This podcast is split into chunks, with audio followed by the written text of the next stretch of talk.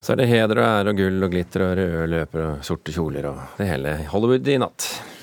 Ja, men det var også litt eh, alvor. Det var altså Golden Globe-prisene som ble delt ut for 75. gang i natt.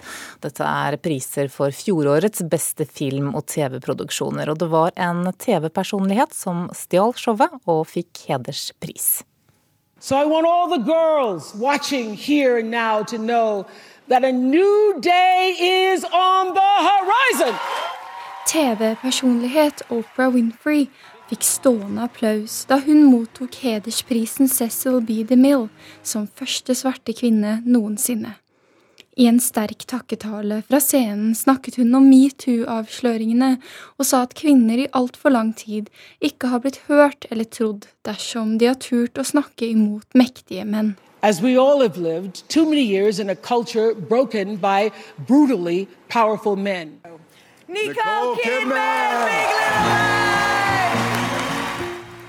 Skuespiller Nicole Kidman var den første som mottok pris i natt. I sin takketale snakket hun om hennes rollefigurs kamp mot seksuelt misbruk, og oppfordret til å snakke om vanskelige temaer. And this character that I played represents um, something that is the center of our conversation right now abuse. Utdelingen i natt var den 75. i rekken. Stjernene gikk i kledd sort på den røde løperen i solidaritet etter metoo-avsløringene. Men ikke alle tok oppfordringen. Skuespiller Rose McGowan, som anklaget filmprodusent Harvey Weinstein for voldtekt, mente det var en tom gest. Som under Emmy-utdelingen var det The Handmaid's Tale og Big Little Lies som dominerte da TV-serieprisene ble delt ut. Big Little Lies vant fire priser. Det sa reporter Caroline Tolvsen. Filmanmelder Sigurd Vik i Filmpolitiet her i NRK, god morgen. God morgen. Du har fulgt utdelingen og showet gjennom natten. Hvordan vil du oppsummere?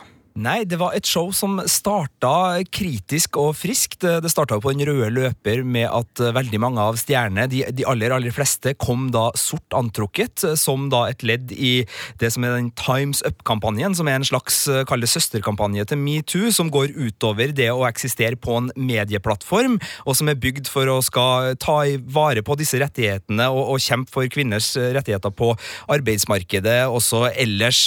Og det satte jo tonen, som ble fulgt opp i en åpningstale som sparka mot navngitte Hollywood-kjendiser som Harvey Weinstein, Kevin Spacey, Woody Allen, og som også tok noen kledelige og, og helt sånn ja, nesten ordinære stikk mot Donald Trump eh, oppi det hele, sånn som eh, vi, vi forventa fra Hollywood.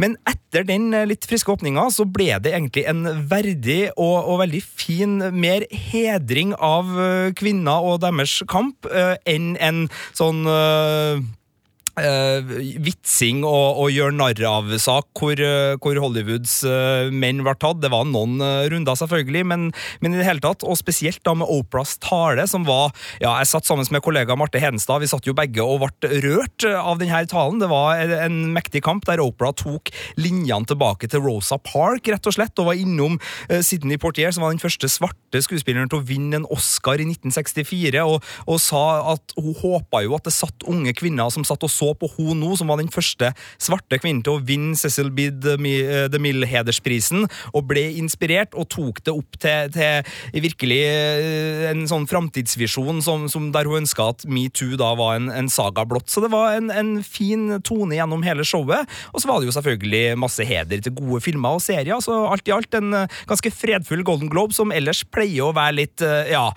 den litt opprørske lillebroren da i, i sånne utdelingssammenhenger. Og den store vinneren i natt var en film som ennå ikke har hatt premiere her i Norge. Three Billboards Outside Ebbing, Missouri er en film som kommer eh, om eh, sånn ei drøy uke, den 19. januar, for den norske kinopremiere. En slags eh, krimdramafilm med Frances McDormand i hovedrollen, som da handler om en mor som ikke føler hun får rettferdighet for etterforskninga av sitt datters drap, og setter da opp noen billboard. Så den er vi jo veldig spent på. Den gjorde jo veldig gode ting og fikk både manuspris og pris for beste dramafilm og pris for beste kvinnelige hovedrolle, da, så den er vi spent på på. Og så var det jo Lady Bird, en film som heller ikke har hatt norsk eh, film, eh, kinopremiere, som fikk eh, Komiprisen, men den har allerede gjort seg meget bemerket både på box office, altså billettsalg i USA, og på diverse nettsteder som setter opp litt sånn prosenter for poeng på film. Så den nå ser vi jo fram mot å få sett på norske kinoer. Vi må snakke litt om TV-serier òg. The Handmaid's Tale og Big, Big, Little Lies var som vi hørte blant de seriene som fikk priser i natt. Og det var kanskje ikke så uventet? Nei, de gjentok jo egentlig den dobbelen de tok på Emmy tidligere i høst. Det er rett og slett bare imponerende, og fikk jo da også med seg komiserien The Marvelous Mrs. Maisel på feiringa, og de, seriene, de tre seriene gjorde egentlig rent bord, eh, og kan egentlig bare oppsummeres med at det var en festaften for knallgode kvinneroller, for alle disse seriene har kvinnelige hovedroller som er meget gode, som har gitt oss uh, rollefigurer som både er kompleks og veldig godt skrevet. Og de vant også alle tre sine respektive hovedrollepriser. Så det var virkelig en uh, god, god, Golden Globe for serier som i hvert fall vi i Filmpolitiet setter veldig stor pris på. Var det noen som burde fått en pris, men som ikke nådde opp i natt? Nei, det var ikke de store skandalene. Personlig så syns jeg jo gjerne at Kyle McLachlan kunne ha vunnet for uh, sin fantastiske rolle som Dale Cooper i Twin Peaks-comebacket. Det var da Ewan McGregor som fikk den prisen for sin dobbeltrolle som tvillinger i Fargo, så vi er på det nivået. altså Det blir småpirk og litt sånn å, den liker jeg godt, ja. Men alt i alt så var det her, i hvert fall på seriesida, som vi i Norge har uh, fått sett og, og, vurdert, et uh, veldig godt og, og velfortjent Golden Globe-år. Veldig kort til slutt, dette er altså priser som deles ut av Foreign Press Association i Hollywood. Utdelingene i natt, eh, gir det også da en pekepinn på hvem som kan vinne en Oscar i februar? Ja, det gir litt pekepinner, men Golden Globe er kjent for å være litt særer. Altså, De er bare sånn drøyt 90 stykk, de som bestemmer hvem som vinner denne Golden eh, Globe-prisene.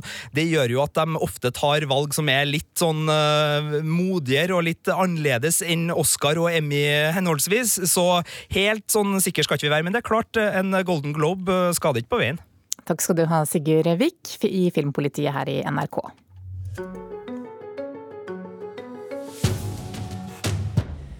Den norske kunstneren Ane Hjort Guttu er i vinden nå på nyåret med utstillinger både i Tromsø og Trondheim, og med en større bokutgivelse.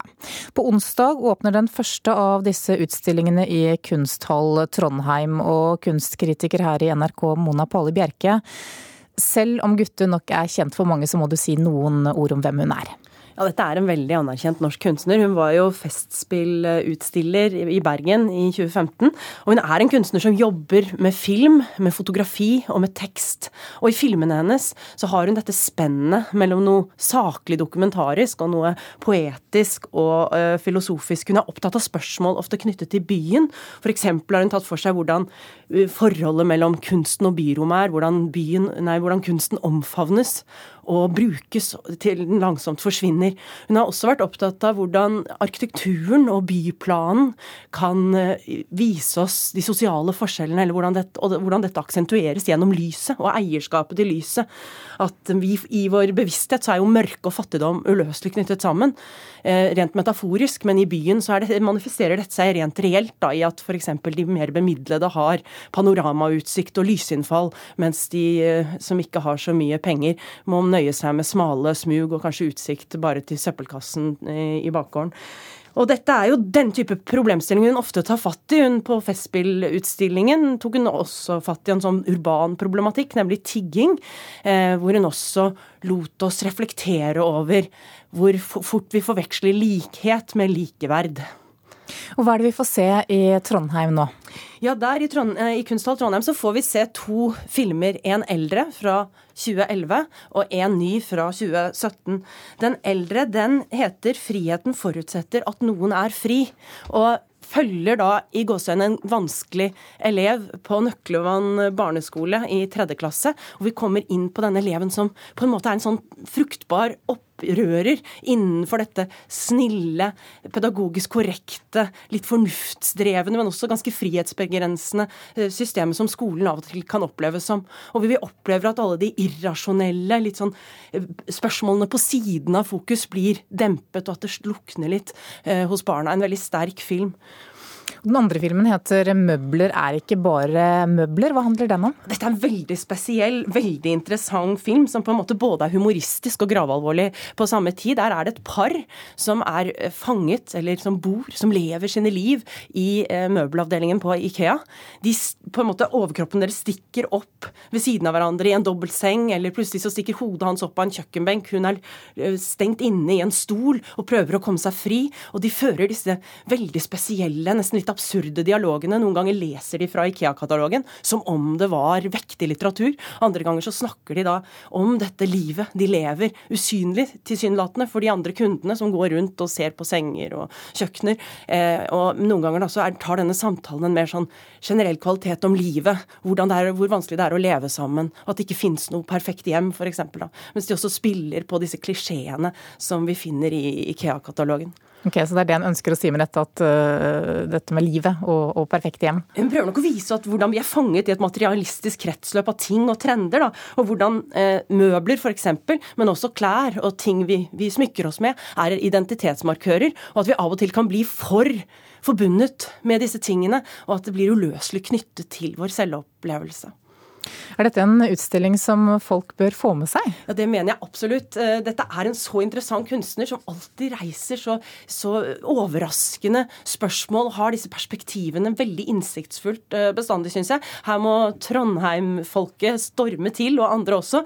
Og eh, så åpner det jo en ny utstilling i Tromsø kunstforening i slutten av måneden, så nå er det mye annenhjort gutte. Det er jeg veldig glad for. Vi skal komme tilbake til den Tromsø-utstillingen senere. Takk skal du ha, Mona Palle Bjerke.